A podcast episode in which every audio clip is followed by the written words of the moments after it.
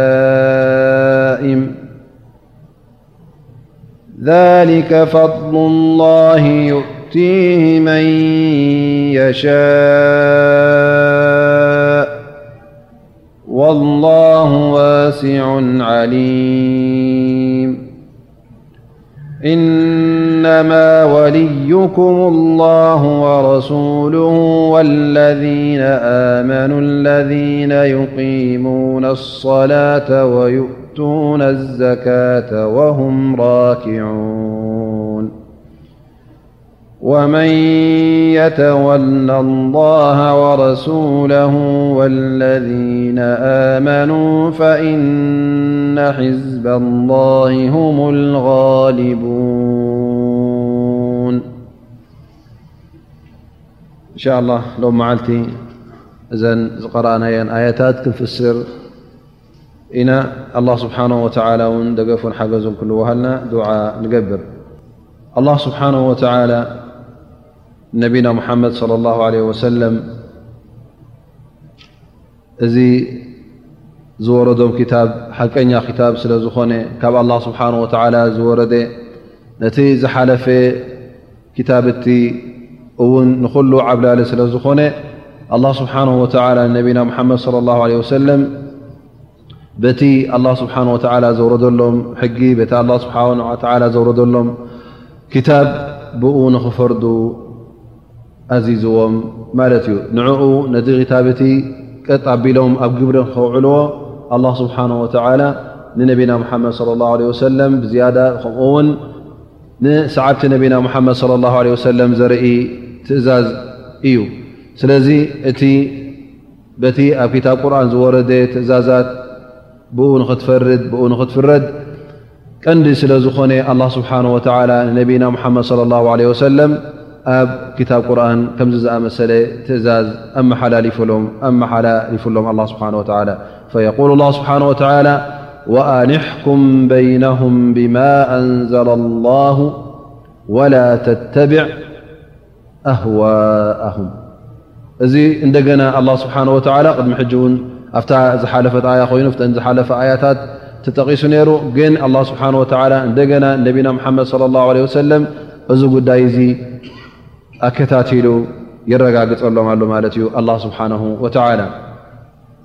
ስለዚ ፈፂምካ ካብቲ ክታብ ቁርን ክትወፅእ የብልካን ፈፂምካ ውን ብርእይቶኻ ኮይኑ ብርእይትኦም ኮይኑ በቲ ንኦም ድስ ዝብል ኮይኑ ቲ ንዓኻ ደስ ዝብል ኮይኑ ንኡ ከይረኣኻ እንታይ ደኣ ነቲ ኣላ ስብሓን ወተላ ዘውረዶ ጥራይ ንኡ ተዓዚብካ ንኡ ተኸቲልካ ብኡ ክትፈርዶም ኣለካ ኢሉ ኣላ ስብሓን ወላ ነቢና ሙሓመድ ለ ላ ለ ወሰለም ትእዛዝ ኣመሓላሊፉሎም ወኣኒሕኩም በይነም እቶም ናባኻ መፅኦም ኣይሁዳውያን ይኹኑ እቶም ክርስትያን ይኹኑ እንተ ናባኻ ንክፍረዱ መፅኦም በቲ ኣላ ስብሓን ወተላ ዝመፀ ብኡ ድኣ ፍረዶም ብዝያዳ ድማ እተ ዝያዳ ኣስላም ኮይኖም ድማ ብዝያዳ ብኡ ክፍረዱ ኣለዎ ማለት እዩ ኣይኮነ ዶ ኣስላም ኮይኖም ካልእ እውን እተ መፅኦምኻስ እቲ ቀንዲ ቕኑዕ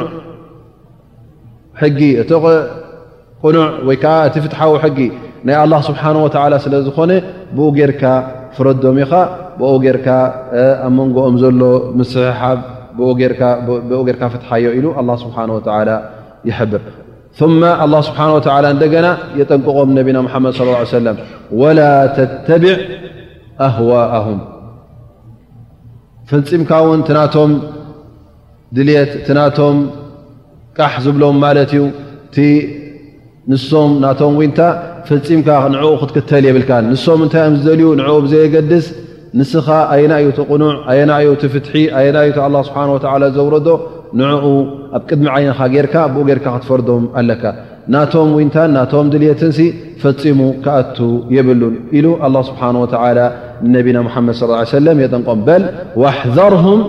ኣን የፍትኑከ ዓን ባዕድ ማ ኣንዘለ ላሁ ኢለይ እዚ እውን መጠንቀቕታ ማለት እዩ ኣላ ስብሓን ወተዓላ ተጠንቀቕ ካብዞም ሰባት እዚኦም ፀላእትኻ እዮም እዞም ኣይሁዳውያን ኮይኖም እቶም ናባኻ ቀሪቦም ሓቀኛታት ኣምሲሎም ንዓ ፍረደና ዝብሉኻ ዘለዉ ምናልባሽ እዞም ሰባት እዚኦም ብገለ ነገር ኣምፅኦም ንዓኻ ካብቲ መንገዲ ኣላ ስብሓን ወተላ ንኸውፁኻ ውን ላዕልን ታሕትን ስለ ዝብሉ ከየጋግዩኻ ውን ተጠንቀቕ ኢሉ ኣላ ስብሓን ወላ ነቢና ሙሓመድ ለ ላ ሰለም በዛ ኣያ እዚኣ የጠንቀ ዋሕዘርሁም ኣን የፍትኑካ ካብቲ ንሕና ዘውረድናልካ ኣያታት ካብቲ ንሕና ዘርኣናካ መንገዲ ካብኡ ንኸየውፁኻ ውን ተጠንቀቕ እዞም ሰባት እዚኦም ፀላእትኻ እዮም ኩሉ ግዜ ንዓኻ ንኽጎድኡ ንዓኻ ካብ መንገዲ ሓቂ ንኸውፅኡ ንስኻ ካብ ፍትሕን ካብ ቅንዕናን ንኽትወፅእ ላዕልን ታሕትን ስለ ዝብሉ ምናልባሽ ከም ገለ ገይሮም ገለ ጉዳይ ኣምፅኦም ንዓኻ ሸተት ከብሉን ንዓኻ ከጋግዩን ስለ ዝፍትኑ ዘለዉ እዞም ሰባት እዚኦም ካብኦም ተጠንቀቕ ኢሉ ኣላ ስብሓን ወተዓላ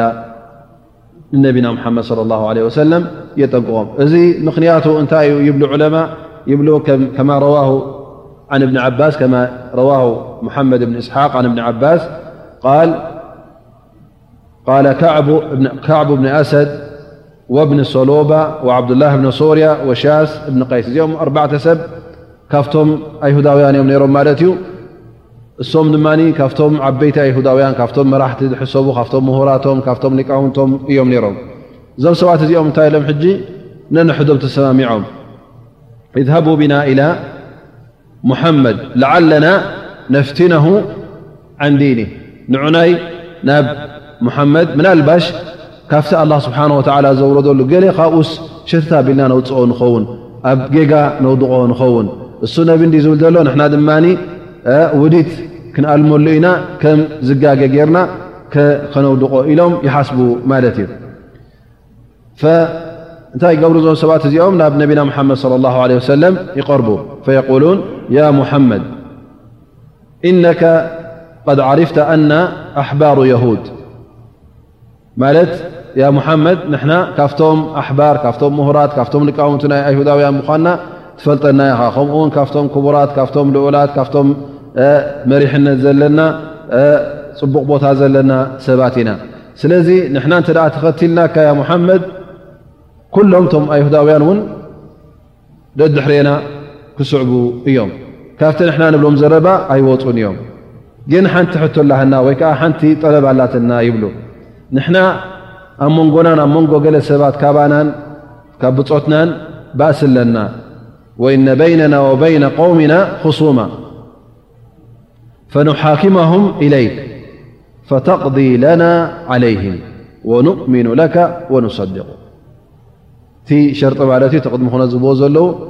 ንሕና ኣብ መንጎና ናብ መንጎ ገለ ኣሕዋትና ባእሲ ስለ ዘለዎ ኣብ መንጎና ንሕና ናባኻ ክነቕርቦም ኢና ተባኢስና ከም ዘለና እሞ ንስኻ ንዓና ፍረደልና ኢኻ ትሓቂ ምሳና ከም ዘሎ እስኻ ፍረደና ኢኻ እንተ ከምዚ ጌርካ ፈሪድካና ንሕና ምሳኻ ኢና ንሕና ክንክተለካ ኢና ክንኣምነልካ ኢና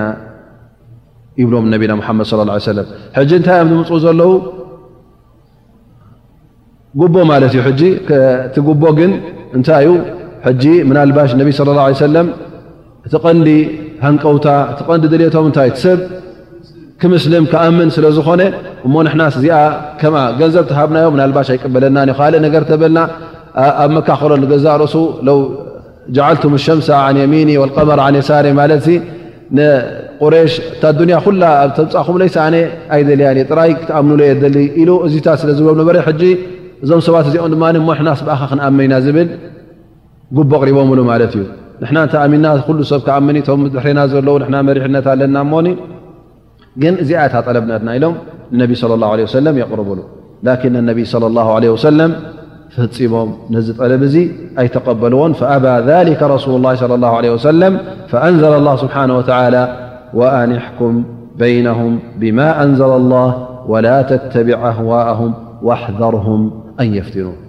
እዚ እዩ ሕጂ እቲ ፊትናን እቲ መጋገይን ዝሓሰብዎ ማለት እዩ። ላህ ስብሓን ወተዓላ ከምዚ ዝኣመሰለ ውዲት ስለ ዘለዎም ከምዚ ነገር ስለ ዝኣልሙ ተጠንቀቂኻ ያ ሙሓመድ እዞም ሰባት እዚኦም ከየጋይግዩኻ በቲ ኣላ ስብሓን ወተዓላ ዘውረደልካ ጥራይ ደኣ ብኡ ሓቂ ድያ ንሶም ንጥዑይ ሰብ ይኹን ንሙእምን ብኣኻ ዝኣመነ ይኹን ንፀላኢኻ ይኸውን ክትፈርድ እንተ ኮይንካ በታ ብ ክታብ ዘላ ፍረድ ነቲ ሓውኻ ንዕኡ ትጠቅም ትኹን እታ ፍርዲ ንዕኡ ትጎድእ ትኹን እታ ሓቂ ኩሉ ግዜ ንበዓል ሓቂ ክትወሃብ ኣለዋ እምበር እዚ ከኣምነለይዩ ወይ ከዓ እዚ ኣብቲ ዲነይ እዩ ዘሎ እዚ ፀላእየዩ እዚ ኣብቲ ዲነይ የለን ኢልካ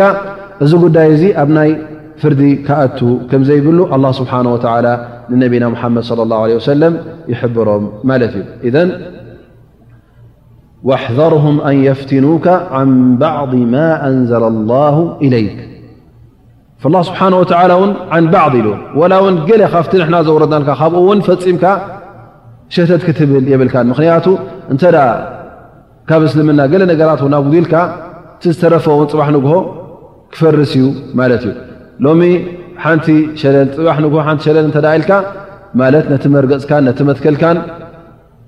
ጥሒስካዮ ማለት እዩ ስለዚ እታ ቀንዲ ነጥቢ ኣላ ስብሓን ወላ እቲ እስልምና ክወርድ እንከሎ እስልምና ናይ ፍትሒ ዝሓዘለ ዲን ወይ ከዓ ሃይማኖት እዩ ስለዚ እዛ ጉዳይ ዝደልዋ ዝነብሩ እዞም ኣይሁዳውያን ነቢ ስለ ላ ለ ሰለም ካብቲ ናይ ፍትሒ ካብቲ ናይ ሰላም ካብቲ ናይ ኣላ ስብሓን ወላ ናይ ዓድል ዝገበሮ ዲን ካብኡ እንተ ካብዚ መትከል እዚ እንተ ሸተት ኢሉ እሞ እዚ ዲን እዚ ንገዛእ ርእሱ ፅኑዕ መትከል የብሉን ማለት እዩ በቲ መትከላት እውን ኣይኣምንን ማለት እዩ ንገዛእ ርእሱ ነቢ ስለ ላ ለ ሰለም እንተ ነዞም ሰባት እዚኦም ምእንቲ ንኸመስልሙ ዘይናቶም ክቦም እተ ኮይኑ ዘይሓቆም ዘይመሰሎም እንተ ክፈርደሎም ክብይነሎም እንተ ኮይኑ እዚ ዲን እዚ ንገዛእ ርእሱ ሓቀኛ ኣይኮነን ኢልካ እውን ክንፀግ ስለ ዝኾነ እቲ ጉድኣት ብዓብዮ እውን ኣብቲ ዲን ክወድቕ ስለ ዝኾነ ኣላ ስብሓን ወተላ ንነቢና ሓመድ ለ ላ ሰለም ዋሕዘርሁም ኣይፍትኑክ ስለዚ እቶም ፀላእትኻ ኩሉ ግዜ ከጋግዩኻ ከም ዝፍትኑ ክትርስዕ የብልካን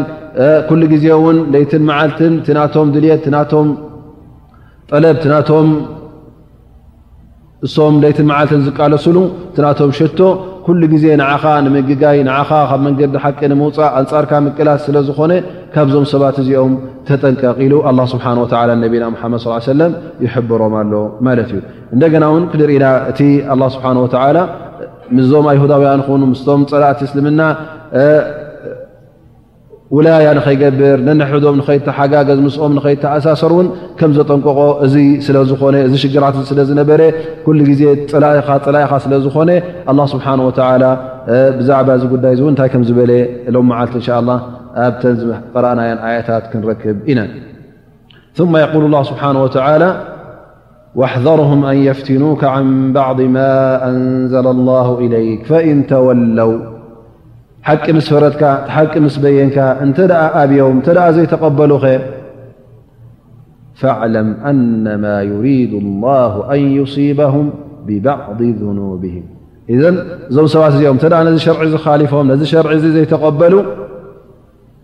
እዞም ሰባት እዚኦም ኣላ ስብሓን ወተዓላ ብቐደሞም ሓቂ ከም ዘይደለዩ ስለ ዝፈለጦም እዞም ሰባት እዚኦም ኣላ ስብሓን ወተዓላ ካብ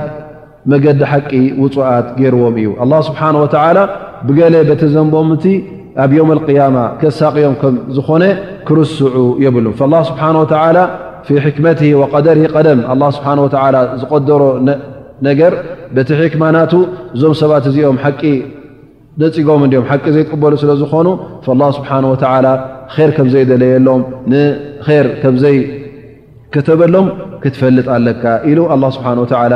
ዛንታ ናይዞም ሰባት እዚኦም እቲ እሶም ዘለዎ መርገጽ ኣላ ስብሓን ወተዓላ ይሕብሮ ማለት እዩ ፈዕለም ኣነማ ዩሪዱ ላሁ ኣን ዩሲበሁም ብባዕዲ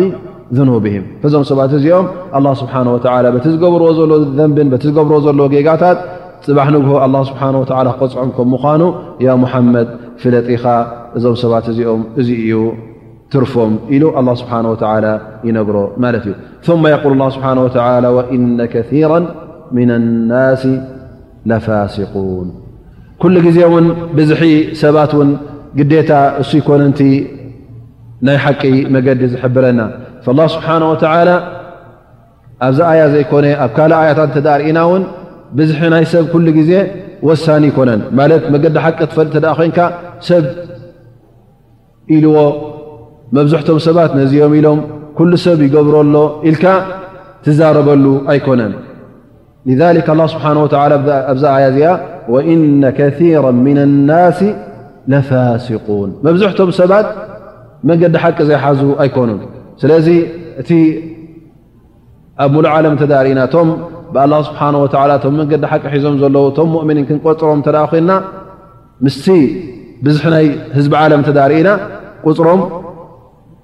ብዙሕ ኣይኮነን ኣብ ገዛ ርእሲ እውን እቲ ኣስላማይ ዝፅብፀብ ዝቁፀር እንተ ቶም መገዲ ሓቂ ሒዞም ብዝያዳ እቶም ኣህለ ሱና ወልጀማዓ ዝበሃሎ እቶም ልክዕ ከም ናይ ነቢና ሙሓመድ ለ ላ ለ ወሰለም መገዲ ተኸቲሎም ዝኸዱ ነዚ መገዲ እዚ ቀጥ ኣቢሎም ሒዞሞ ዝኸዱ እተ ክንቆርፆም ኮይና ከዓ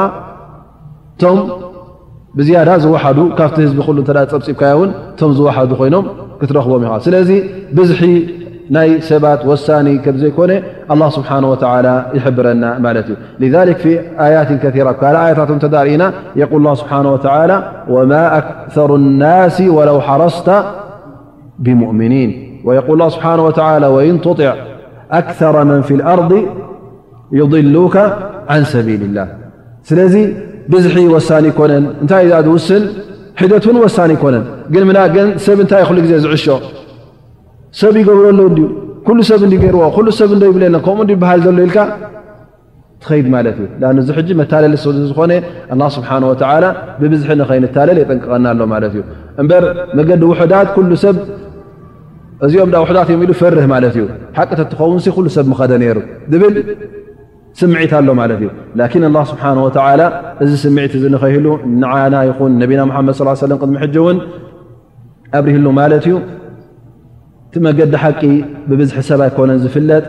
እቲ ሓቂ ምስ ኩሉ ምስ ብዙሕ ሰባት ኣሎ ማለት ኣይኮነን እንታይ ደኣ ኣላ ስብሓን ወተላ የህዲ መን የሻእ ወዩድሉ መን የሻእ ስለዚ መብዝሕቱ ሰብ መገዲ ሓቂ እዩ ዘሎ ኢልካ ኩሉ ሰብ ገብሮ ኣሎ ኩሉ ሰብ እ ዝገብሮ ዘሎ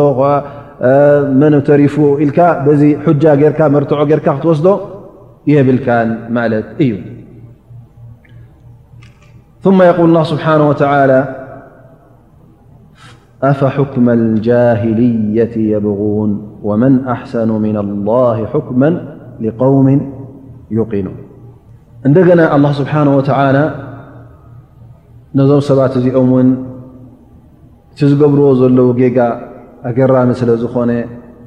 ከምኡውን ጌጋ ስለ ዝኾነ ኣላ ስብሓን ወተዓላ ከም ሕቶ ኣምሲሉ ኣቕሪቡ ግን ነቲ ተግባሮም እቲ ይነፅገሎ ማለት እዩ እቲ ሕቶ መልሲ ኣድልዎ ኣይኮነን ኣፈ ሑክመ ልጃያልያ ላኪን ኣላ ስብሓን ወተዓላ ዩንኪሩ ዓለይህም እዚ ጉዳይ እዚ ጌጋ ከም ምዃኑ እዩ ዘብርሃሎም ዘሎ ኣፈ ሑክመ ልጃሂልየቲ የብን እንታይ እዮም ዝደልዩ ዘለዉ እዞም ሰባት ናይ ኣላ ስብሓን ወተዓላ ፍርዲ እንተ ነፂግካ ናይ መን ጠልብ ኣለኻ ማለት እዩ ናይ ካልእ ሰብ ይኹን ናይ ጋኒን ይኹን ናይ ሸይጣን ይኹን ትጠልብ ኣለኻ ማለት እዩ ዝኾነ ይኹን ፍርዲ እውን ክልተ ዓይነት ፍርዲ እዩ ዘሎ ሓደ ፍርዲ ናይ ኣላ ስብሓን ወተላ ብ ክታቡ ዘውረዶ ተካልኣይ ፍርዲ ናይ ኣላ ዘይኮነ እቲ ናይ ኣላ ፍርዲ ናይ ፍትሒ ፍርዲ ናይ ሓቂ ፍርዲ ናይ ኢማን ዝሓዘ ፍርዲ ክኸውን ከሎ ፍልጠት ዝሓዘ ፍርዲ ክኸውን ከሎ እቲ ካልኣይ ድማ ናይ ጥፍኣትን ናይ ዓመፅን ናይ ድንቁርናን ናይ ኩሉ ሕማቕ ነገራት ማለት እዩ እዘን ክልተ ፍርዲ እዩ ዘሎ ወይ እቲ ሓደ ፍርዲ ናይ ኣላ ስብሓን ወላ ኣብ ክታቡ ዘውረዶ እዩ ወይ ከዓ እቲ ኣላ ስብሓን ወላ ዘይበሎን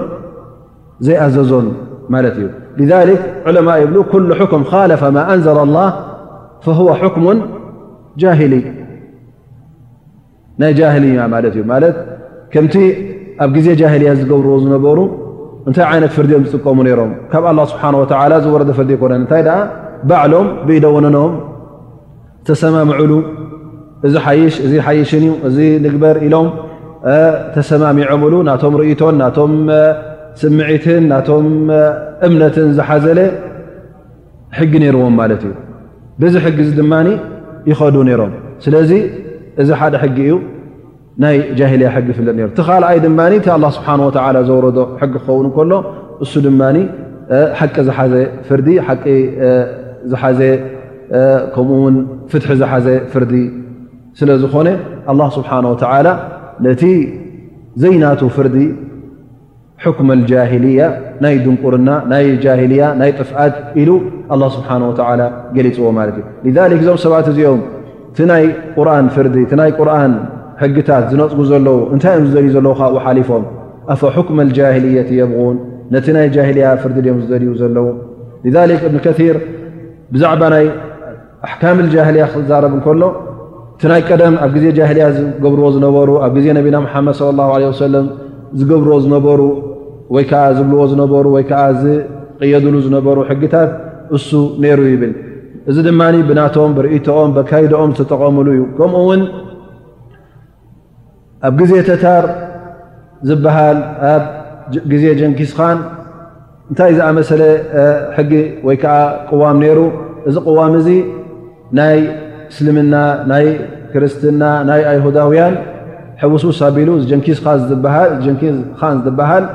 ቅዋም ገይሩሎም ማለት እዩ እዚ ቅዋም እዚ ኣሊሳቅ ዝበሃል ቅዋም ነይሩ እዚ ቅዋም እዚ ድማ ልክዕ ከም ሕጊ ቆይሙ ናቱ ደስ ዝበሎ ርእቶታት ናቱ እጅትሃድ ገይሩ ወሳሲክሉ ማለት እዩ ካፍትን ካፍትን ለቓቒሙ ሓደ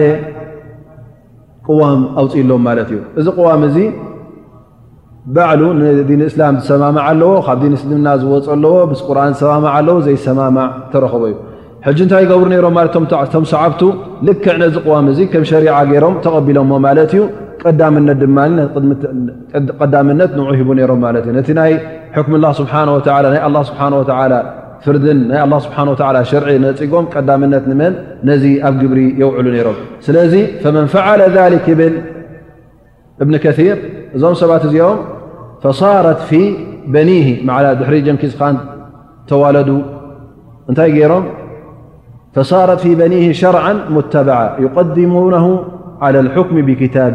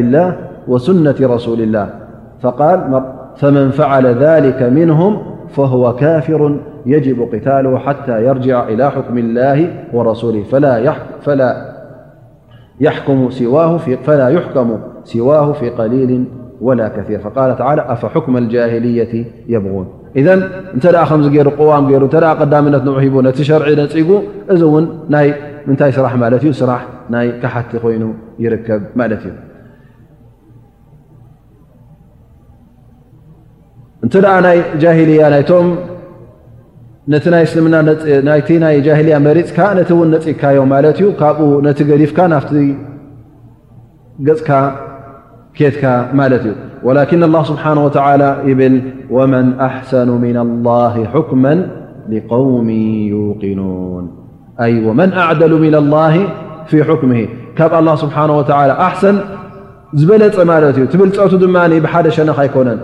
ብልጸቱ ቀዳማይ ነገር ፍትሓዊ ስለ ዝኾነ ከምኡ ውን ምስ ደቂ ሰብ ዝሰማማዕ እዩ። ከምኡ ውን ካብ ኣላ ስብሓን ወተዓላ ዝወረደ እዩ ንኹሉ ዝሰማማዕ እዩ። ከምኡ ውን እዚ ክርድኦ ዝኽእል መን እዩ እቶም ብኣላ ስብሓን ወተዓላ ዝኣመኑ ብቀውሚ ዩቂኑን እንተ ብሓቂ ኢማን ዘየሎ ኮይኑ እተ ብሓቂ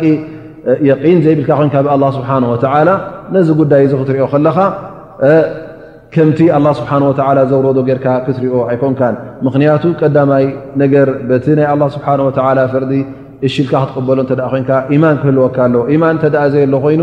እቲ ጉዳይ እስኻ በየናይ ዓይንኻ ክትሪኦ ብናይ ኣዱኒያ ዓይኒ ጠቕመኒ ድዩ ይጎድኣኒ ድዩ ኣይጠቕመኒ ድዩ ናብ ኣዱንያ ኢልካ ብኡ ክትሪኦ ስለ ዝኾንካ ፈፂምካ እውን ኣይክትቅበሎን ኢኻ ላኪን ኣላ ስብሓን ወተዓላ እቲ ናቱ ውሳኔታት እቲ ናቱ ፍርዲ እውን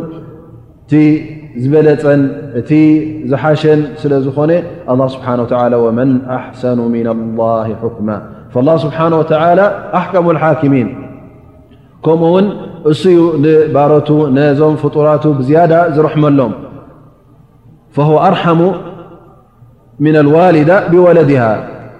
ካብ ወላዲት ውን ንውላዳ ትረሕሞ ኣላ ስብሓን ወተላ ንባሮቱ ዝረሕሞም ይዓቢ ሊክ ላ ስብሓን ወተላ ዓለም ብኩሉ ሸይ ኩሉ ኣብዛ ዱንያ እዚኣ ዝግበር ይፈልጦ እንታይ ከም ምዃኑ እንታይ እዩ ዝጠቕሞ እንታይ ዘይጠቕሞ ስለ ዝኾነ እንታይ እዩ ከንዕኡ ዝሓይሽ እንታይ እዩ ንዕኡ ዝጎድእ ኣላ ስብሓን ወተላ ኩሉ ተንቲኑ ስለ ዝፈልጦ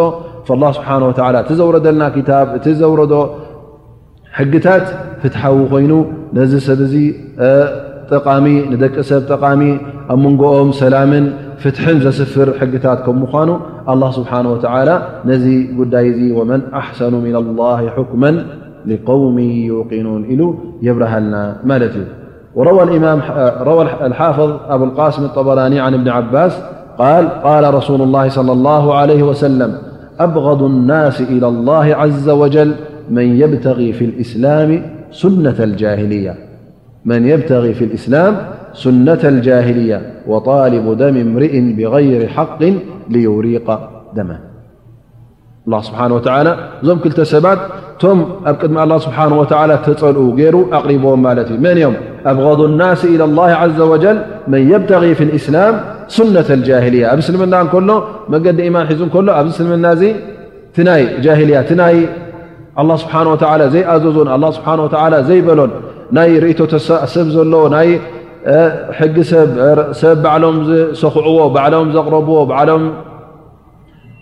ዝመረፅዎ ንዕኡ ቀዳምነት ሂቡ ነቲ ናይ ኣላ ስብሓን ወተላ ክገድፍ እንከሎ እዚ ንገዛእ ርእሱ እቲ ናይ እስልምና ናይ ጃሂልያ ሱና መገዲ ናይ ጃሂልያ መገዲ ናይ ድንቁርና መገዲ ናይ ጥፍኣት ካብ እስልምና ዝወፀ የእትወሉ ስለ ዘሎ ኣላ ስብሓን ወተላ ዝሰብ እዙ ካብቶም ፅሉኣት ካብቶም ኣላ ስብሓን ወላ ዘይፈትዎም ካብቶም ርሑቓት ከም ምዃኖም ነቢ ስለ ላ ሰለም ሓቢሮም ከሊክ ወጣሊቡ ደም እምርኢን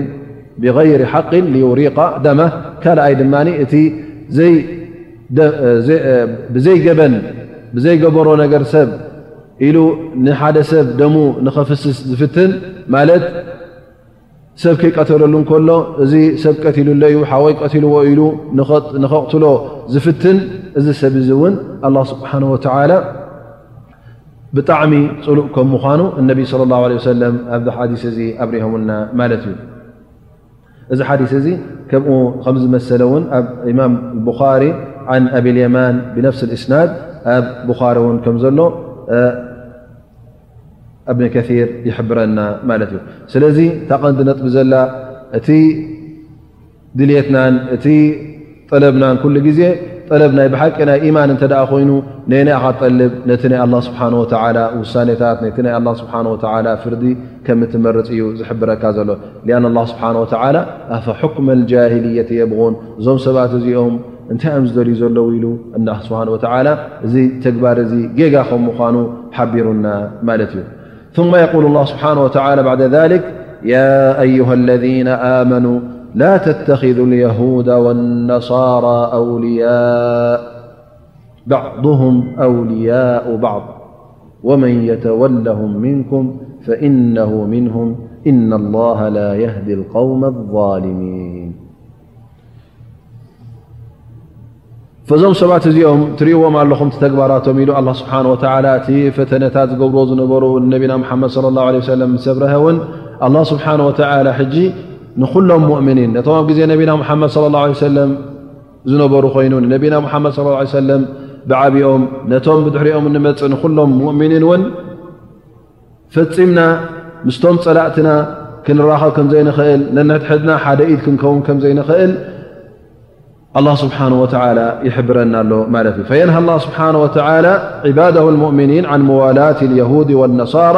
ኣለዚና ሁም ኣዕዳኡ ልእስላሚ ወኣህሊ ስለዚ እንተ እሶም ጸላእትኻ ኮይኖም ከመይ ጌርካ ንስኻ ምስኦም ትተሓጋገዝ ሓደ ኢድ ኮንካ ምስኦም ትደጋገፍ ኢሉ ኣላ ስብሓን ወተዓላ የጠንቅቐና ስለምንታይ ሊኣነሁም እሶም ኩሉ ግዜ ኣንጻርካ ነንሕዶም ተሓጋጊዞም ነንሕዶም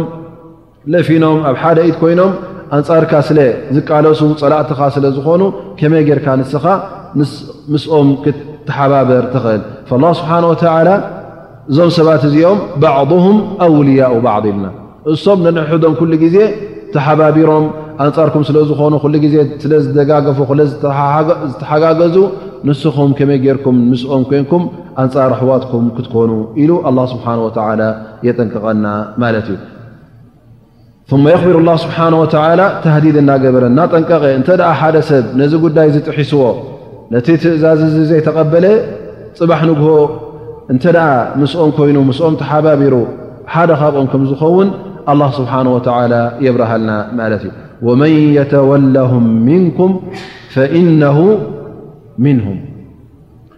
فيقول بن كثير التولي التام يوجب الانتقال إلى دينهم والتولي القليل يدعو إلى الكثير ثم يندرج شيئا فشيئا حتى يكون العبد منه نال ح ي ا قا نشتيت مسلكقلالتمسل خون ن ኣብቲ ተወሊ ኣብቲ ምስኦም ሓደ መስርዕ ክትከውን ኣብ ሓደ ቦታ ምስኦም ሓደ መርገፅ ክህልወካ በብንእሽተይ እዩ ዝምርቲ ጉዳይ ስለዚ ኣተወልታም እተ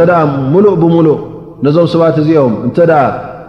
ሓደ ኢት ኮንካ ምስኦም ሓደ መርገፅ እተ ኮንካ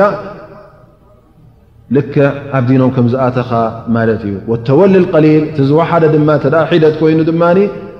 ብኣ ብንእሽተይ ንእሽተይ ትጅምር ፅባሕ ንጎ ድማ ኣብቲ ዝዓበየ ኣብቲ ዝዓበየ ስለ ትኸይድ ካብዚ ነገር እዚ ክትጥንቀቕ ኣለካ ይብል ማለት እዩ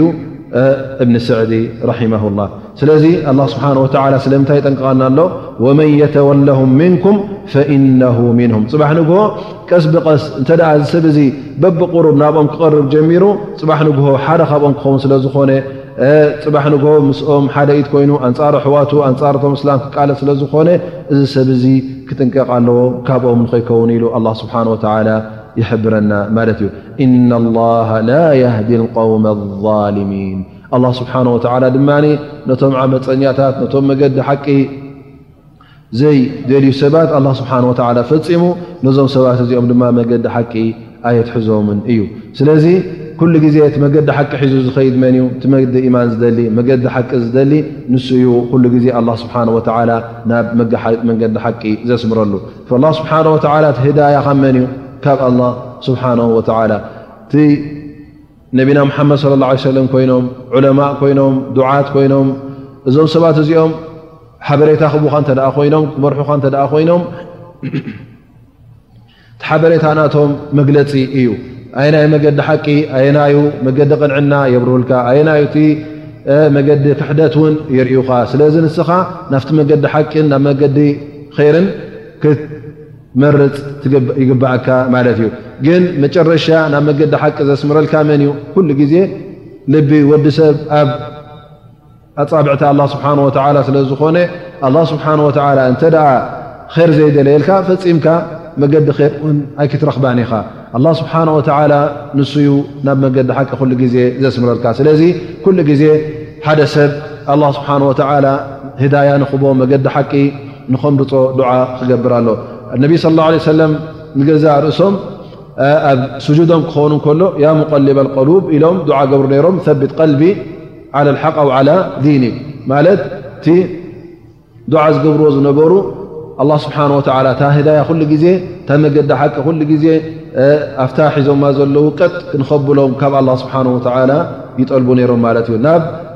ነብሶም ኣነ ነቢየ ኣነ እንታይ ዝፍራህ ኣለኒ ኢሎም ነዛ ልቦም ውን ይተኣማመንዋ ኣይነበሩን እንታይ ደኣ ኩሉ ግዜ ኣላ ስብሓን ወተላ ልቢ ወዲ ሰብ ከም ድላይ ክገላብጣ ስለ ዝኽእል እታ ልብና ኣብ መንገዲ ኢማንን ኣብ መንገዲ ሓቅን ንክትፀንሕ ክሳዕታ ንሞተላ መዓልቲ ዱዓ ክንገብር ኣለና ምክንያቱ እዚ ጉዳይ እዚ ኣብ ኢድና ኣይኮነን ኣብ ኢድ መን ደኣ ብቐንዱ ኣብ ኢድ ኣላ ስብሓን ወተላ እዩ ስለዚ ንሕና እቲ ናህና ግዜ ዱዓ ንገብር ኩሉ ግዜ ድማ መገዲ ሓቂ ድና ንኸይድ ዘለና ወይስ ንጋገ ኣለና ኢልና ነብስና ንሓታ ኣበይ ኣለና ኣብ ምንታይ ኢና ንረግጽ ዘለና እግርና ብ ምንታይ ነንብር ኣለና ኩሉ ግዜ ክንግደስ ይግብኣና ብድሕሪ እዚ ኣላ ስብሓን ወተዓላ ተግባር ናይቶም ሙናፍቒን እንታይ ከም ዝነበረ ኣብቲ ግዜ ነቢና ሙሓመድ ለ ላ ለ ወሰለም ይሕብረና ማለት እዩ ከመይ ዓይነት ምስቶም ክሓቲ ምስቶም ኣይሁዳውያን ኮይኑ ምስቶም ክርስትያን እንታይ ዓይነት ርክብ ከም ዝነበሮም እዞም ሙናፍቒን ኣላ ስብሓን ወተላ ኣብዛ ኣያ እዚኣ የብርሃልና ማለት እዩ ፈየቁሉ ላ ስብሓን ወተላ ፈተራ ለذነ ፊ ቁሉብህም መረض ይሳርዑነ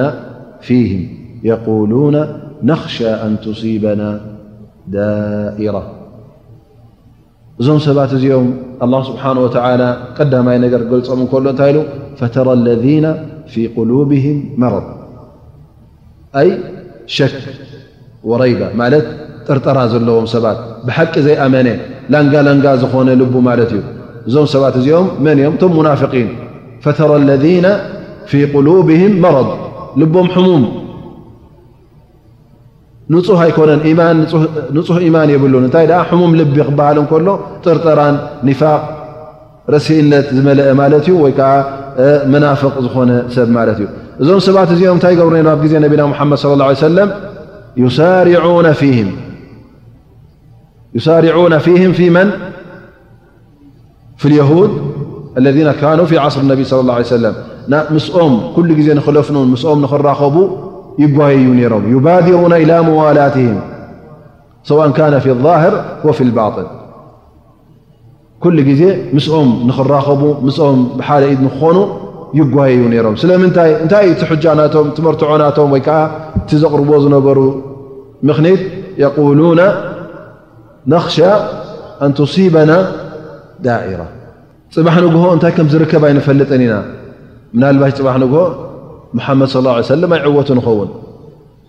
እዚ ዓይነት እዚ ንገዛእ ርእሱ ስምዒት እንተ ኣለዎ ኮይኑ ንገዛእ ርእሱ እቲ ኢማን የለን ማለት እዩ ኣስለን እታ ጠለብ ናቱ ነቢ ስለ ላሁ ለ ወሰለም መገዲ ሓቂ እኒኦም ሒዞም ዘሎ እቲ ዲን ልሓቅ እኒ ሒዞም ዘሎ ወላ እውን ኣብ ኣዱንያ እቲ ናቶም ትርፊ ኣይርክብዎ ዳኣ እምበር እንተ ደኣ ብሓቂ እምነት ኣለካ ኮይኑ እስኻ እዛ ጉዳይ እዚኣ ሞት ይምፃእካ ከይርኸበላ ኣብ ኣዱንያ ኣይትርከበላ ብዘየገድስ እቲ ናትካ ድልየት ናይ ምንታይ ክኸውን ዘለዎ ናይ ረቢ ናይ ኣራ ኣላ ስብሓን ወተላ ንክረድየልካ እዞም ሰባት እዚኦም ግን ኩሉ ግዜ ተሓሳቦም እንታይ እዩ ነይሩ ናይ ኣዱንያ ነክሻ ኣንቱሲበና ዳኢራ እብዛ ኣዱንያ ምናልባሽ ፅባሕ ንግሆ ምናልባሽ እነቢ ስ ሰለም ኣይዕወቱ ንኸውን እሞ እንታይ ኣ ክንገርና ክንፀንሕ ኢድ ኣሕሊፍና ክንፀንሕ ምናልባሽ ዝሰምዕዎ ትኾኑ እቶም ክሓትዕዎ ትኾኑ እሞ ሕጅስ እንታይ ክንገብር ኢዳ ኣሕሊፍና ክንፀንሕ ፅባሕ ንግሆ ንሕና ምሳኹም ነርና እንዲና ንሕና ምሽ ከምዚ ንገብረልኩም ነርና ንሕና እንዶ ሰላም ንብለኩም ኣይነበርና ንሕና እንዶ ንመፀኩም ኣይነበርና ንሕና እንዶ ከምዚ ንኸፍለልኩም ኣይነበርና እናበሉ መዛረቢ ንክኸውን ማለት እዩ ላ ስብሓን ወተዓላ ተግባሮም እዚኦም ናይ ብሓቂ ኢማን ከም ዘይነበሮም እዩ ዘብርሃልካ ዘሎ እቲ ጉዳይ ዓወት ናይ ኣዱንያ ኣይኮነን ዘርኢ ኣብ ኣዱንያ ይተዓወት ኣይተዓወት ብዘየገድስ ናይ ሓቂ ኢማን ነይርዎም እንተዝኸውን እዚ ኣብ ኣዱንያ ዝርከብ ዓወት ንዕኡ ቀዳምነት ኣይምሃብዎ ነይሮም ግን እዞም ሰባት እዚኦም ንገዛእ ርእሶም ኢማን ናይ ብሓቂ ነበሮምን ልቦም ሕሙም እዩ ነይሩ ፈተራ ለذነ ፊ ቁሉብህም መረض ዩሳርዑነ ፊህም ዩሳርዑነ ፊ ሓ ነቢ ላ ስብሓ ወላ ዩሳር ይጓዩ ማለት እዩ ዩባድሩን ቀስ ኢሎም ኣይኮኑን ከማን ዝኸድዎም እቲ ነገር ከማን እጓይይሉ ማለት እዩ ቀዳድምሉ ቶሎቶሎ ኢሎም ይገብርዎ ማለት እዩ ስለዚ እንታይ ዘርእካ ዘሎ እቲ ምስኦምን ምስቶም ክሓትን ዘሎ ፍቕሪ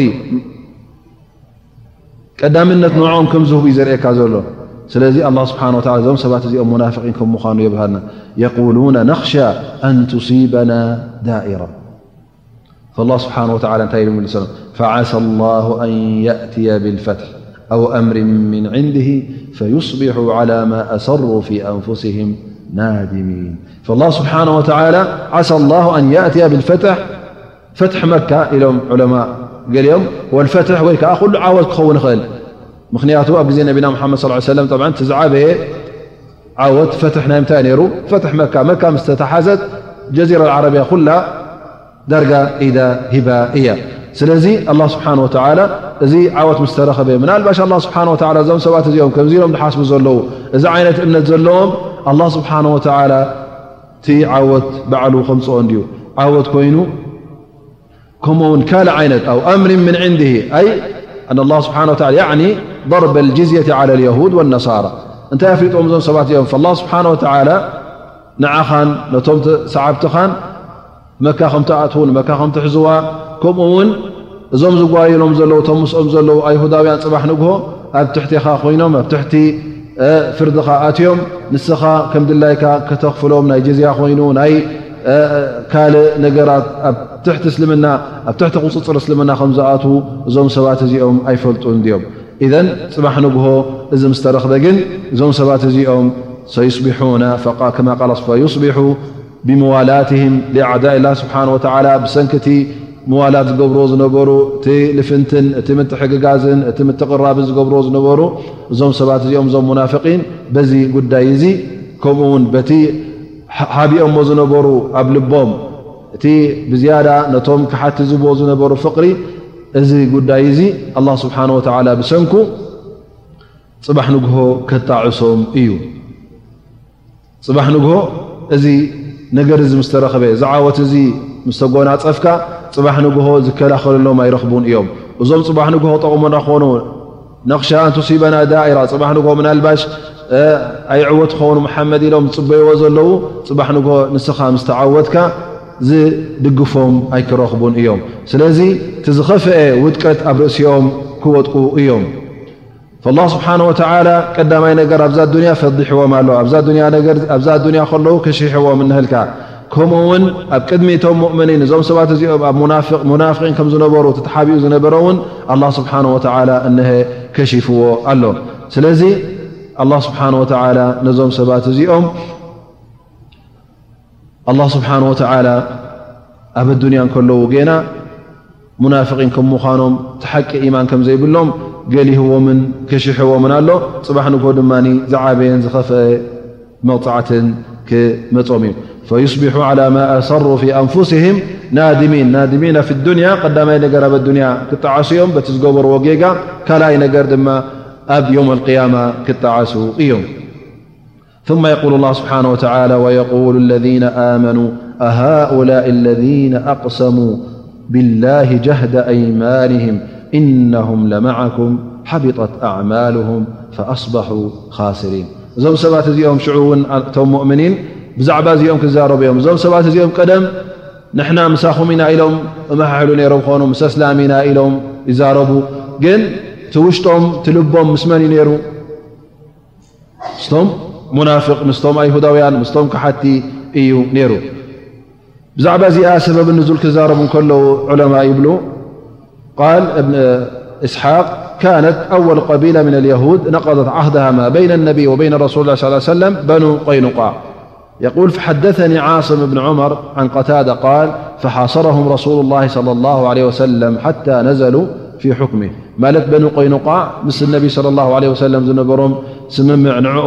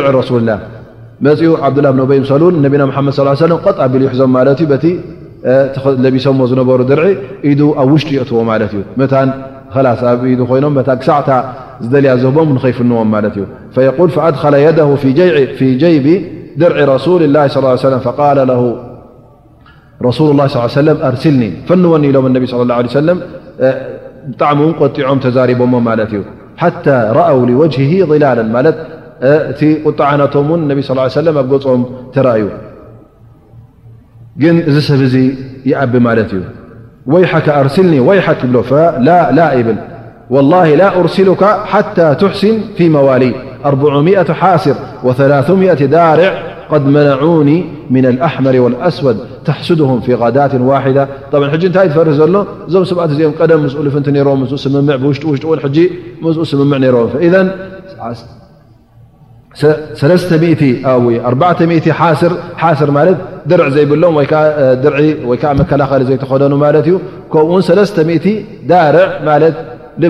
ልባስ ናይ ሓርበኛታት ዝለበሱ ማለት እዩ። እዞም ሰባት እዚኦም ቅድሚ ሕጂ ጠቒሞምን እዮም ቀድ መናዑኒ ምና ኣልኣሕመር ወልኣስወድ እሞ እስኻ ሕጂ ብሓንቲ መዓልቲ መጺኻ ነዞም ኩሎም ክተጥፍኦም ያ ረሱላላህ ያ ሙሓመድ እኒ ምርኡን ኣኽሻ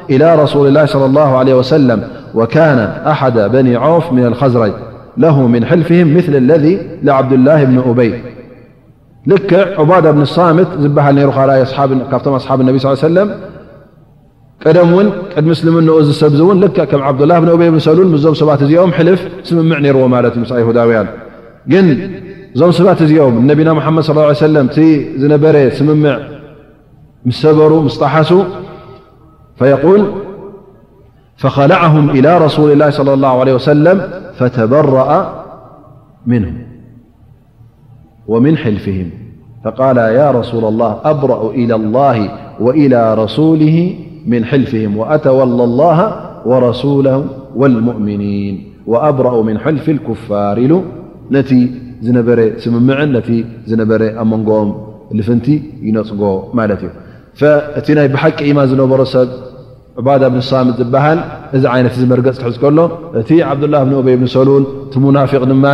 ንነቢና ሙሓመድ ስለ ላሁ ዓለይሂ ወሰለም ኣጥቢቑ ኣትሪሩ ይሕዞም ማለት እዩ ምእንቲ ዝኾነ ይኹን ጉድኣት ንኸይወርዶም ማለት እዩ እቲ ንነቢና ሙሓመድ ስለ ሰለም ዝተገበረ ውዲት እቲ ኣንፃር እቶም ኣስላም ዝተገበረ ውዲት እቲ እዞም ሰባት እዚኦም ዝገበርዎ ጌጋ ንኹሉ ረሲዑ ሕጂ ምስ መን ደው ኢሉ ማለት እዩ ዝሰብ እዚ ምስቶም ከሓዲ ምስቶም ኣይሁዳውያን ደው ኢሉ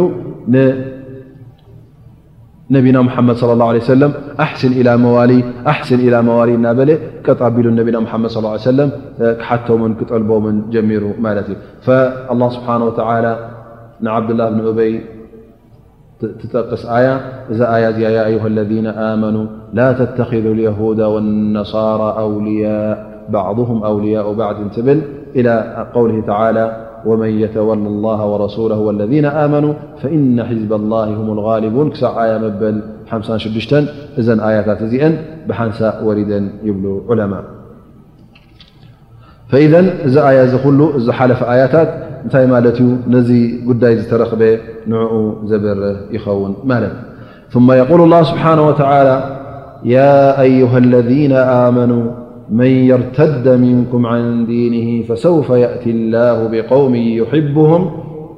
ويحبونه أذلة على المؤمنين أعزة على الكافرين يجاهدون في سبيل الله ولا يخافون لومة لائم ذلك فضل الله يؤتيه من يشاء والله واسع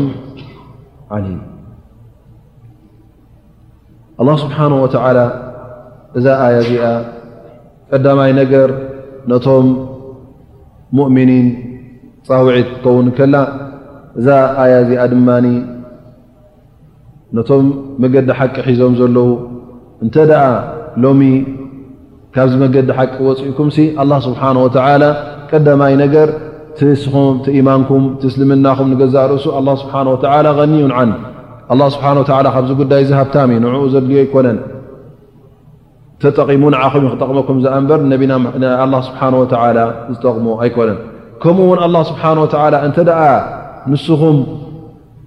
ካብቲ መገዲ ሓቂ ንድሕሪት ኣድሓርሒርኩም ነቲ እስልምና ነፅግኩም እንተ ርሕቕኩም ኣላ ስብሓን ወተዓላ ንዓኹም ኣጥፊኡ ብኻልኦት ንኽትከኣኩም ክኢላ እዩ ኣላ ስብሓን ወተዓላ በቲ ትገብርዎ ዘለኹም ዕባዳ በቲ ትገብርዎ ዘለኹም መገዲ ሓቂ ሒዝኩሞ ዘለኹም በቲ ር በቲ ስያምኩም በቲ ሰላትኩም በቲ ዘካትኩም ኣላ ስብሓን ወተዓላ ሕጉስ ይኹን ደኣ እምበር ግን እዚ ነገር እዚ ንዑ ጠቕሞ ኣይምሰልኩም ንዕኡ ር ዝገበርኩምሉ ኣይምሰልኩም እቲ ር ትገብርዎ ዘለኹም ንመን እዩ ንዓኹም ኢኹም ትገብርዎ ዘለኹም ስለዚ ኣላ ስብሓን ወተላ ንዓኹም ከሊቑ ንዓኹም ፈጢሩ ከምኡ ውን ንዓኹም ኣጥፊኡ ንኻልኦት ንኽፈጥር ንኻልኦት ሙእሚኒን ንኽፈጥር ውን ይኽእል ከም ምዃኑ ስለዚ ንኣላ ስብሓን ወተዓላ ሚና ክትገብርሉ የብልኩምን ንሕናስ ከምዝን ከም ዝገበርና ኢና ንሕና ከምዚና ከምዚልናይኩም ክትጠቕሱ የብልኩምን ከምኡ ውን መገዲ ሓቂ ተኣብኹም ውን እንተ ክሒትኩም ውን ኣላ ስብሓን ወተዓላ ካልኦት ኣመንቲ ከምፅእ ኣይክእልን ማለት ኣይኮነን ላ ስብሓን ወተዓላ ኩሉ ነገር ንክገብርሲ ክኢላ ከም ምዃኑ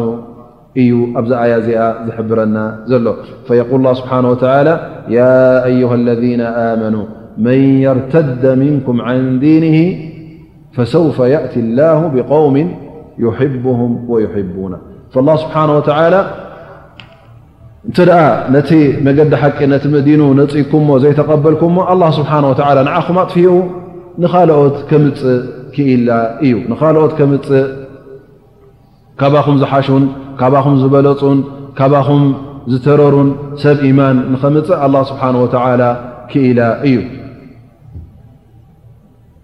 ኣብ ካልእ ኣያ እውን ኣላ ስብሓን ወተዓላ እንታይ ይብል ወእን ተተወለው የስተብድል ቀውመ غይረኩም ثመ ላ የኩኑ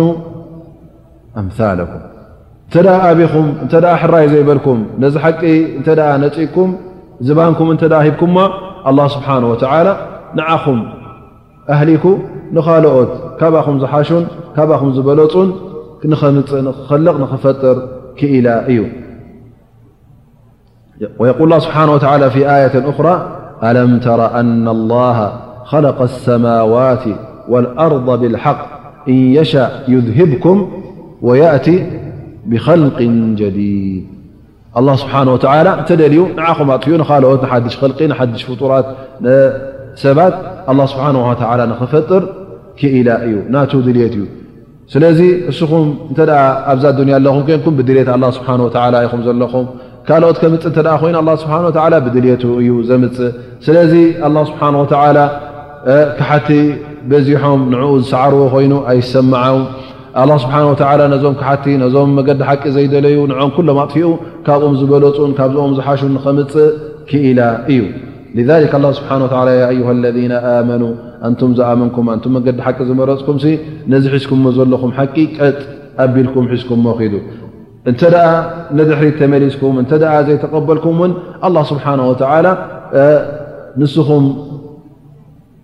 ካብኡ ሓይልኩም ኣይኮንኩምን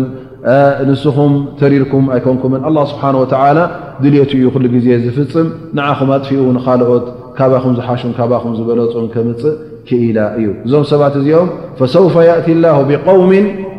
ይሕብሁም ወይሕቡና ትዝዓበየ ክብሪ ይሕብሁም ኣላ ስብሓን ወተዓላ መዓስ እዩ ዝፈትዎም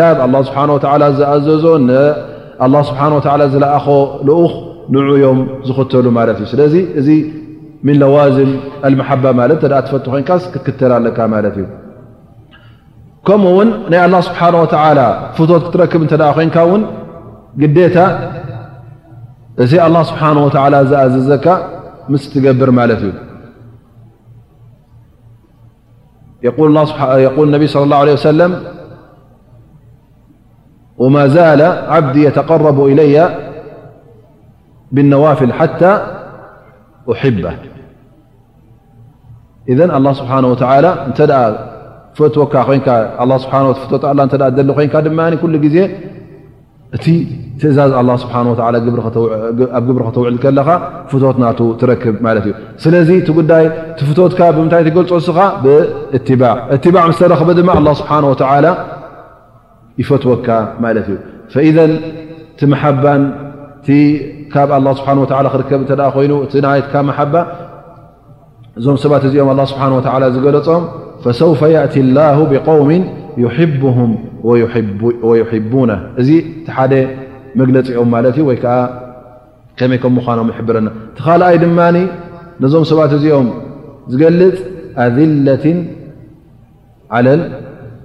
ሙእሚኒን ኣዕዘትን ዓለ ልካፍሪን ምስቶም ሙእምኒን ክራኸቡ ከለዉ ርክባት ናቶምን ናይቶምናቶም ርክባቶም ምስ ሙእምኒን ርክባቶም ምስቶም ፀላእቲ ኣላ ስብሓን ወተዓላ ምስቶም ክሓቲ ዝተፈላለየ እዩ ምስ ሙእመኒን ክራኸቡ ከለዉ ኩሉ ግዜ ብኽብርን ብምትኽብባርን ብሕውነትን ይራኸቡ ማለት እዩ ምኽንያቱ እዞም ሰባት እዚኦም ሓደ መርገፅ ስለ ዝሓዙ ኣብ ሓደ መርገፅ ስለ ዘለዉ እቲ ኢማን ኣብ መንጎ ክልቲኦም ዘሎ የራኽቦም ስለ ዝኾነ እዞም ሰባት እዚኦም ኣብ መንጎኦም ምትኽብባር ኣሎ ማለት እዩ። እቲ ቪላ ክበሃል እንከሎ ቀዳምነት ንሓወይ ኢልካ ክትቦ ከለኻ ከተኽብሮ ከለኻ ፈፂምካ ኣብ ቅድሚኡ ትዕቢት ኣይተርእን ኢኻ እዚ ዝኣመሰለ ጠባያት ተርኢ ማለት እዩ። ኣዝለት ዓላ ልሙእምኒን ኣዕዘት ዓላ ልካፍሪን እብኒ ከር ይብል ሃذ ስፋት ልሙእምኒን ኣልኩመል እቶም ኣላ ስብሓን ወተላ ዝመርፆም ዘሎ እቶም ሙሉእ ኢማን ዘለዎም እዞም ሰባት እዚኦም እዮም ይብል ኣን የኩነ ኣሓድሁም ሙተዋዲዐን ሊኣኺህ ወወልይህ ሙተዓዚዘን ዓላ ኸስምህ ወዓድውህ ስለዚ እቲ ኣረኣእያኻ ናይ ኣሕዋትካን ናይ ብፆትካን ከምቲ ነቶም ፀላእትኻ እትሪኦ ኣይከውንን እዩ ፀላኢኻ ክሓርደካን ክቐትለካን ድልው ዝኾነ እሞ ነዚ ሰብ እዚ ምስቲ ሓውኻን ብሰላም ዝነብር ምሳኻ ዝደሊ ብፅቡቕ ዝጠቕሰካ ብፅቡቕ ዝዝክረካ ንዓኻ ክድግፈካ ዝፈቱ እቲ ንዕኡ ሰናይ ዝረክብ ንዓኻ ንክረክብ ዝፈቱ ሰብ ሙእሚን ሃል ክልቲኦም ብሓደ ዓይነ ክትሪኦም ፍትሓዊ ኣረኣያ ድዩ ኣይኮነን ስለዚ እቲ ሙእሚን ኩሉ ግዜ ነቶም ኣሕዋቱ ነቶም ሰላም ዝደልይሉ ሰባት ኩሉ ግዜ ብትሕትና ይሪኦም ማለት እዩ። እቶም ፀላእቱ እቶም ከሓድቲ ግን ኣብ ቅድሚኦም ኩሉ ግዜ ሓያል ኮይኑ በዓል መርገፅ ኮይኑ ይርከብ ማለት እዩ። ፈፂሙ ድማ ካፍቲ መርገፁ ፈልከት ዘይብል ይኸውን። ኣላህ ስብሓነ ወተዓላ ንነቢና ሙሓመድ ሰለላሁ ዓለይሂ ወሰለምን ነቶም ምስኡ ዝነበሩ ብፆቱ ክገልፀልና እንከሎ እንታይ ዓይነት ጠባይ ከም ዝነበሮም ከመይ ከም ዝነበሩ ኣላህ ስብሓነ ወተዓላ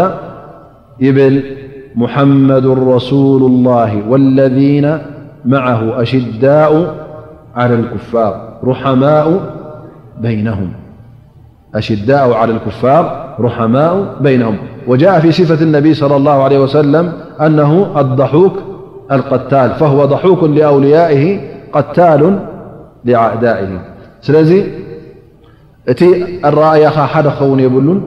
ንጸላእትኻ ትርእየሉ ዓይንን ንኣሕዋትካ ትርእየሉ ዓይንን ኩሉ ግዜ በበይኑ እዩ። ስለዚ ነቢ ሰለላሁ ዓለይሂ ወሰለም ኮይኑ እቶም ሰዓብቱ እቶም መንገዲ ሓቂ ዝሕዙ ኩሉ ግዜ ኣብ መንጎኦም ኣብ መንጎቶም ሰብ ኢማን ዝርከብ ሕውነት ምትኽብባር ሓቢሩና ማለት እዩ። እዞም ሰባት እዚኦም ግን ኣንጻር ጸላኢኦም ክኾኑ እንከለዉ ኩሉ ግዜ ብሓይሊ ከም ዝገጥምዎ ኩሉ ግዜ ሓያላት ከም ምዃኑ ከም ዘይድፈሩ እዩ ዘለሊ ዘሎ ስለዚ እንተ እዚ ሓይሊ ዘየሎ ኮይኑ እዚ ነብስኻ ምኽባር ዘየሎ ኮይኑ ድማ ትፀላኢኻ ፅባሕ ንግሆ ንዓኻ ዘሊል ንዓኻ ትሕቲ እግሩ ንክረግፀካ ስለ ዝደሊ ፈፂምካ ዕድል ክትቦ ከምዘይብልካ እዩ ኣላ ስብሓን ወተላ ዝሕብረና ዘሎ ኣዘት ዓላ ልካፍሪን ዩጃሂዱነ ፊ ሰቢል ላ ወላ የኻፉነ ለዉ መተላ እዩ እንደገና እዞም ሰባት እዚኦም ድማ ከምዚ ዓይነት እዚ ጠባይ ዘለዎም ኢሉ ኣላ ስብሓን ወተላ ይሕብረና ማለት እዩ እዚ ጠባይ እዚ ጠባይ ናይ ቃልሲ ጅሃድ ፊ ሰብልላህ ንክቃለሱ ድልት ዘለዎም ኢሉ ኣላ ስብሓን ወላ ይሕብረና ፈዞም ሰባት እዚኦም እቶም ኣላ ስብሓን ወተላ ዝጠቀሶም ሰባት እቶም ብሓቂ ሙእምኒን ዝበሃሉ ማለት እቶም ኣላ ስብሓን ወተላ እንደገና ኣብ ክንዲቶም ዝኣበዩ ሓደሽቲ ካልኦት ክምፅእየ ዝበሎም እቶም ፅቡቕ ጥቕሲ ዝጠቐሶም ማለት እዩ ዩሕቡሁም ወዩሕቡና ኣዝለትን ዓላ ልሙእምኒን ኣዕዘትን ዓላ ልካፍሪን እንደገና እውን ዩጃሂዱና ፊ ሰቢል ላ ወላ የኻፉና ለውመተ ላእም ይብል ማለት እዞም ሰባት እዚኦም ምእንቲ ኣላ ስብሓን ወተዓላ ዝቃለሱ እዚ ቃልሲ እዚ ብሓፈሽኡ ሓደ ሸነኽ ዝሓዘ ዘይኮነ በብዓይነቱ ዘሎ ፈፂሞም እዞም ሰባት እዚኦም እቲ ኣላ ስብሓን ወተላ ዝኣዘዞ እቲ ጣዓት ላ ስብሓን ወተላ ዘለዎ ጉዳይ ፈፂሞም ካብኡ ድሕር ዘይብሉ እቃመት ሕዱድ ኮይኑ እቲ ሕዱድ ኣላ ስብሓን ወተላ ዝኣዘዞ ሕግታት ንኡ ብሓቂ ከቑሙ ኣንፃር ፀላእቱ ክዋግኡን ክቃለሱን ኣምር ብልማዕሩፍ ንክገብሩ ሰናይ ነገር ንክንክተል ሰናይ ነገር ንክሰፍን ዝእዝዙ፣ እከይ ነገር ዝረኣይዎ ነገር ጌጋ ከም ምዃኑ ጌጋ ኢሎም ዝዛረቡ፣ ከምኡ ውን ኩሉ ኣላህ ስብሓነሁ ወተዓላ ዝኣዘዞ ነገራት ኣብ ግብሪ ንኸውዕሉ ዝቃለሱ ሰባት፣ ከምኡ ውን እዚ ጉዳይ እዚ ክገብሩ ከለዉ ፈፂሞም ድማ ሰብ ከይብለና እንታይ ከይንበሃል ኢሎም ውን ኣብ ልቦም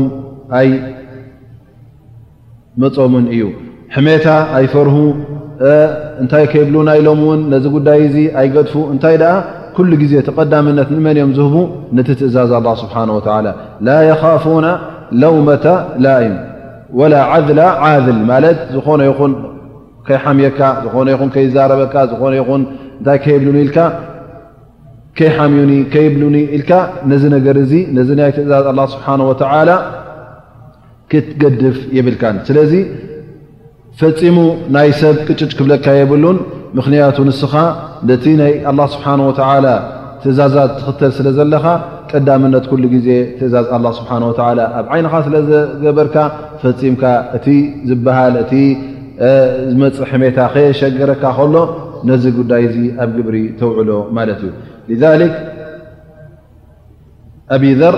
النبي صلىالله عليه وسلم أمرني خليلي بسبع شوعت نجرات لواء النبي صلى الله عليه وسلم زززني كبن طقس أمرني بحب المساكين والدنوب منهم وأمرني أن أنظر إلى من هو دوني وألا أنظر إلى من هو فوقي وأمرني أن أصل الرحم نبل حنتخابدمنت يبل ወኣመረኒ ኣላ ኣኻፍ ፊላሂ ለውመተ ላኢም ፈጺመ ውን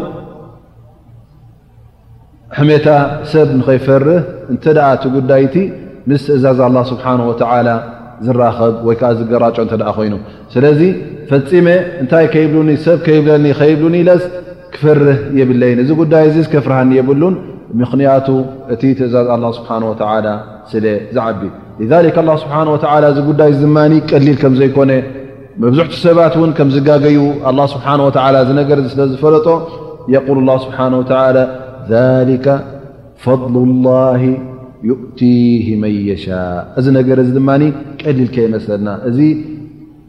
ኩሉ ኣላህ ስብሓን ወተዓላ ዝጠቐሶ እቶም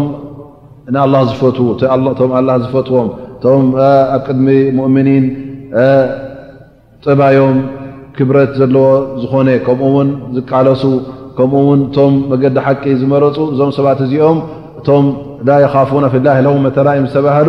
እዞም ሰባት እዚኦም በዚ ነገር እዚ ዝጠቐስክዎም እዚ ከምዝኣመሰለ ጠባያት ዘለዎም እዚ ነገር እዚ ፈፂሙ መን እዩ ዝረኽቦ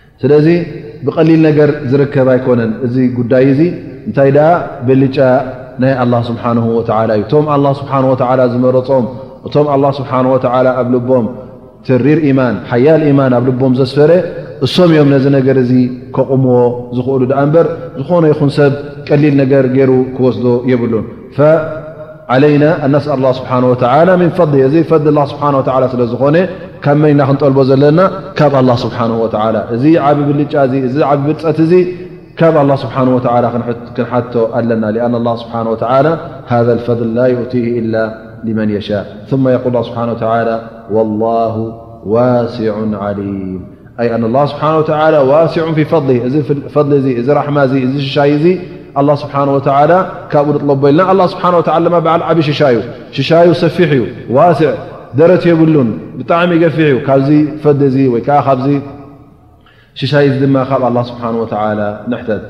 ላ ስብሓን ወተላ ዓሊም ይብለና ኣሎ ላ ስብሓን ወተላ ዓሊሙን ብመን የስተሒቕ ሃዘ ልፈል እዚ ፈድሊ እዙ ወይ ከዓ እዚ ሽሻይ እዚ ድማ ክትረኽቦ እንተ ኮንካ ስቑኢልካ ኣይኮንካ ዝርከብ ዱዓ ጌርካ ጥራይ ኣይኮነን ሃልስኻ ብሓቂ እቲ ኢማን ኣሎ ብ ልበኻስ የለን ተሪር ኢማን ድዩ ዘሎ ወላ ሰንኮፍ ከምቶም ኣላ ስብሓን ወተዓላ ልቦም ሕሙም እዩ ዝበለካ ጥርጠራ ዝመልኦ ፅባሕ ንግሆ ምናልባሽ እስልምና ወድቕ ክኸውን እሞ ኣነስ ከምዚ ኢለ ክፀንሕ ዶ ኢደይ ኣሕሊፈ ክፀንሕ ኢልካ ቁሩብ ምስቶም ድማ ርክብ ክንገብር እባ ገለሜታት ኢልካ ላንጋ ላንጋ ዝኾነ መርገጽ ሓደ እግርኻ ምስቶም ኣሕዋትካ እስላም ሓደ እግርኻ ምስቶም ጸላእቲ እስልምና ዘለዉ ምስኦም ክተጽንሕ እተ ኮይንካ ፅባሕ ንግሆ ክትፀድፍ ኢኻ ማለት እዩ ስለዚ ኣላ ስብሓን ወተላ እዚ ፈሊ እዚ ክበካ እተ ኮይኑ ኣላ ስብሓን ወተላ መረገፅካ ይርእ ኣሎ ይፈልጦ ኣሎ ካብኡ ዝሕባእ የለን እታ ልብኻ ብሓቂ ኣበይ እያ ዘላ ብኹላ ምስቲ ኢማን ኣብቲ ቦታ ኢማን ድያ ዘላ ወይስ ላንጋ ላንጋ እያ ዘላ ላ ስብሓን ወተላ ዝፈሊ እዚ ዝሻይ ዚ ክህባ እንተ ኮይኑ ኣላ ስብሓን ወተላ መን እያ ነዚ ሽሻይ እዚ ዝግብኣ ልቢ መን እያ መን እቲ እዚ ከምዚ ዝኣመሰለ ሽሻይ ክወሃብ ዝግብኦ ኣላ ስብሓን ወተዓላ ስለ ዝፈልጦ ፈተጠንቀቕ ማለት እዩ። ስለዚ ንኣላ ስብሓን ወተዓላ ከተዕሽዎ ኣይትኽእልን ኢኻ ኣላ ስብሓን ወተዓላ ብጣዕሚ ፈሊጣ ፈላጥ ስለ ዝኾነ። ናይ ሎም መዓልትና ደርሲ እንሻ ኣላ ኣብዚኣ ደው ነብላ ገለ ንፋይዳታት ዝሓዝናያ ድማ ዕድል ንኸፍል። ባረከላ ፊክ እወ እቲ ቀዳመይቲ ፋይዳ ወይከዓ ንሕዛ ኩሉ ግዜ ትሒዝናዮ ዘለና ዲን ዲን እስላም ዲን ሓቅ መገዲ ሓቂ ስለ ዝኾነ ናይ ብሓቂ ኣብ ኣዱንያ ይኹን ኣብ ኣራ ዕዉት ዲን ስለ ዝኾነ ፈፂምናስ እዚ ሒዝናዮ ዘለና ዲንሲ ሓቀኛ ስለ ዝኾነስ ቅጭጭ ክብለና የለዎን ወላ ውን እቲ ፀላእትና ይብዝሑ እቶም ካሓድቲ ይብዝሑ እቶም ፀላእቲ ይሓይሉ እዚ ነገር እዚ ኩሉ ቅጭጭ ክብለና የብሉን እንታይ ዳኣ እቲ ሒዝናዮ ዘለና መርገፅ ቅኑዕ ምዃኑ ስለ እንኣምን ብጣዕሚ ኣብዚ ሒዝናዮ ዘለና እዚ ክንተርርን ክንብርትዕን ከም ዘለና ፈፂምና ውን ፈልከት ክንብል ከም ዘይብልና እዚ ሎሚ መዓልቲ ዝሓዝናዮ ደርሲ እዩ ይብል ማለት እዩ። እወ እቲ ፍርዲ ናይ ኣላ ስብሓን ወተዓላ ሕኩም ናይ ኣላ ስብሓን ወተዓላ እንከሎ ካልእ ሕጊ ካልእ ፍርዲ ክንጠልብ እንተ ኮይንና ብኡ ክትፍረድ እንተ ትመርፅ ኮይንካ ነቲ ሕጊ ኣላ ገዲፍካ እዚ ሓደ ካብ ናይ ክሕደት ዓይነት ከም ምኳኑ ክፍር ከም ምኳኑ ይበርሃና ማለት እዩ ከምዚ ንኣብነት ኣብ ዓድና ሕጂ ሕግታት ነይሩ ናይቲ ቀቢላታት ማለት እዩ ሕጊ ከም ልጋ ዝበሃል ኣሎ ሕጊ ናይ ምንታይ ዶ ናይ ሓማሴን ዶ ናይ ገደዶ ዝበሃል እዚ ሕግታት እዚ ብምንታይ እዩ ሰሪቱ ብርእይቶታት ማለት እዩ ሰብ ተሰማሚዖምሉ እቶም ደቂ ዓዲ ኮይኑ እቶም ደቂ ቀቢላ ኮይኑ ከምዚ ተተገቢሩ ንከምዚ ንገብሮ እዚ ሕጂ እዚ ሕጊ እዚ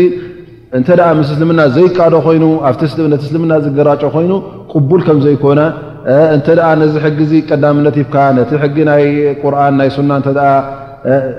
ኣድሒርካ ነቲ እተ ኣሕሊፍካ ድማ ልክዕ ከምዚ ሎም መዓልቲ ዝተጠቐሰ ጀንኪስኻን ዝገብሮ ዝነበረ ሕግታት እቲ ሸሪዓ ናይ እስልምና ተነጺጉ ነቲ ንሱ ዝገበረ ሸርዒ ቀዳምነት ምስ ሃቡ እዞም ሰባት እዚኦም ክሒዶም እዮም ኢሉ እብኒ ከሲር ዝጠቐሶም እዚ እውን ክሕደት ከም ምዃኑ ሎም መዓልቲ በሪሁልና ማለት እዩ ባረከ ላ ፊክ ኣላ ስብሓን ወተላ ኸለቀና ለም የትሩካና ሃመለን ከም ዝበሎ ኣላ ስብሓን ወተላ ክኸልቀና ከሎ ስቑኢልና ከም እንስሳ ንክንነብር እውን ኣይፈነወናን እንታይ ደኣ ከምታ ዝኸለቐና ንዓና እንታይ ከም ዝኸውን ኣይናይ ሕጊ ቅጥ ኣቢሉ ኣብዛ ዱንያ ብሰላምን ብፍትሕን ዘንብረና ሕጊ ኣላ ስብሓን ወተዓላ ኣውሪዱልና ማለት እዩ ስለዚ ነዚ ኣላ ስብሓን ወተዓላ ዘውረዶ ሕጊ ድማ ንግዴታ ንሕና ንዕኡ ከነተግብሮ ይግብኣና ማለት እዩ ብኡ ድማ ክንቅየዳ ኣለና ምእንቲ እቲ ቀዳማይ ነገር ንኣላ ስብሓን ወተዓላ ክንጣይዕ ን ትእዛዝ ኣላ ስብሓን ወተዓላ ከይንጥሕስ ማለት እዩ ካልኣይ ነገር ድማ እቲ ዝርከብ ጥቕሚ እውን ፋይዳ ንመን እዩ ንዓና እዩ ንሕና ሰላም ኮይኑ ፍትሒ ኮይኑ ር ኮይኑ ኩሉ ንረክብ ማለት እዩ ኣላ ስብሓን ወተላ እቶም ፊ ቁሉብህም መረض ኢሉ ዝጠቐሰልና ሰባት ኣብ ግዜ ነቢና ሙሓመድ ለ ላه ለ ሰለም ነይሮም ሽዑ ነይሮም ሕጂ እውን ቀፃሊ እዩ ዘሎ ማለት እዩ ኩሉ ሰብ ልቡ ንጹህ ጽሩይ ጥዕና ዘለዎ ልቢ ኢማን ሙሉእ ዘለዎ ኣይኮነን እንታይ ደኣ እቶም ሙናፍቒን እቶም ልቦም ጥርጠራ ዘለዎም ካብ መገዲ ኣላ ስብሓን ወተዓላ ብግዳሞም ኣስላም ሙእምኒን እናበሉ ብውሽጦም ካልእ ልቢ ዘለዎም ሰባት እውን ክሳዕሎም እውን ኣለዉ እዮም ስለዚ እዚ ጉዳይ ኣላ ስብሓን ወተዓላ ክጠቕሶም ከሎ ታሪክ ኣይኮኑን ጠቒሶ ኣብቲ ግዜ ነቢና ሙሓመድ ስ ሰለም ግን እዚ እውን ብሕጂ እውን ቀፃሊ ከም ምኳኑ ክንፈልጥ ይግባእ እንሻ ላ ናይ ኢሎም መዓልቲ በዚ ይውዳእ أقول قولي هذا وأسأل الله سبحانه وتعالى أن ينفعنا بما سمعنا وصلى الله على نبينا محمد وعلى آله وصحب و سل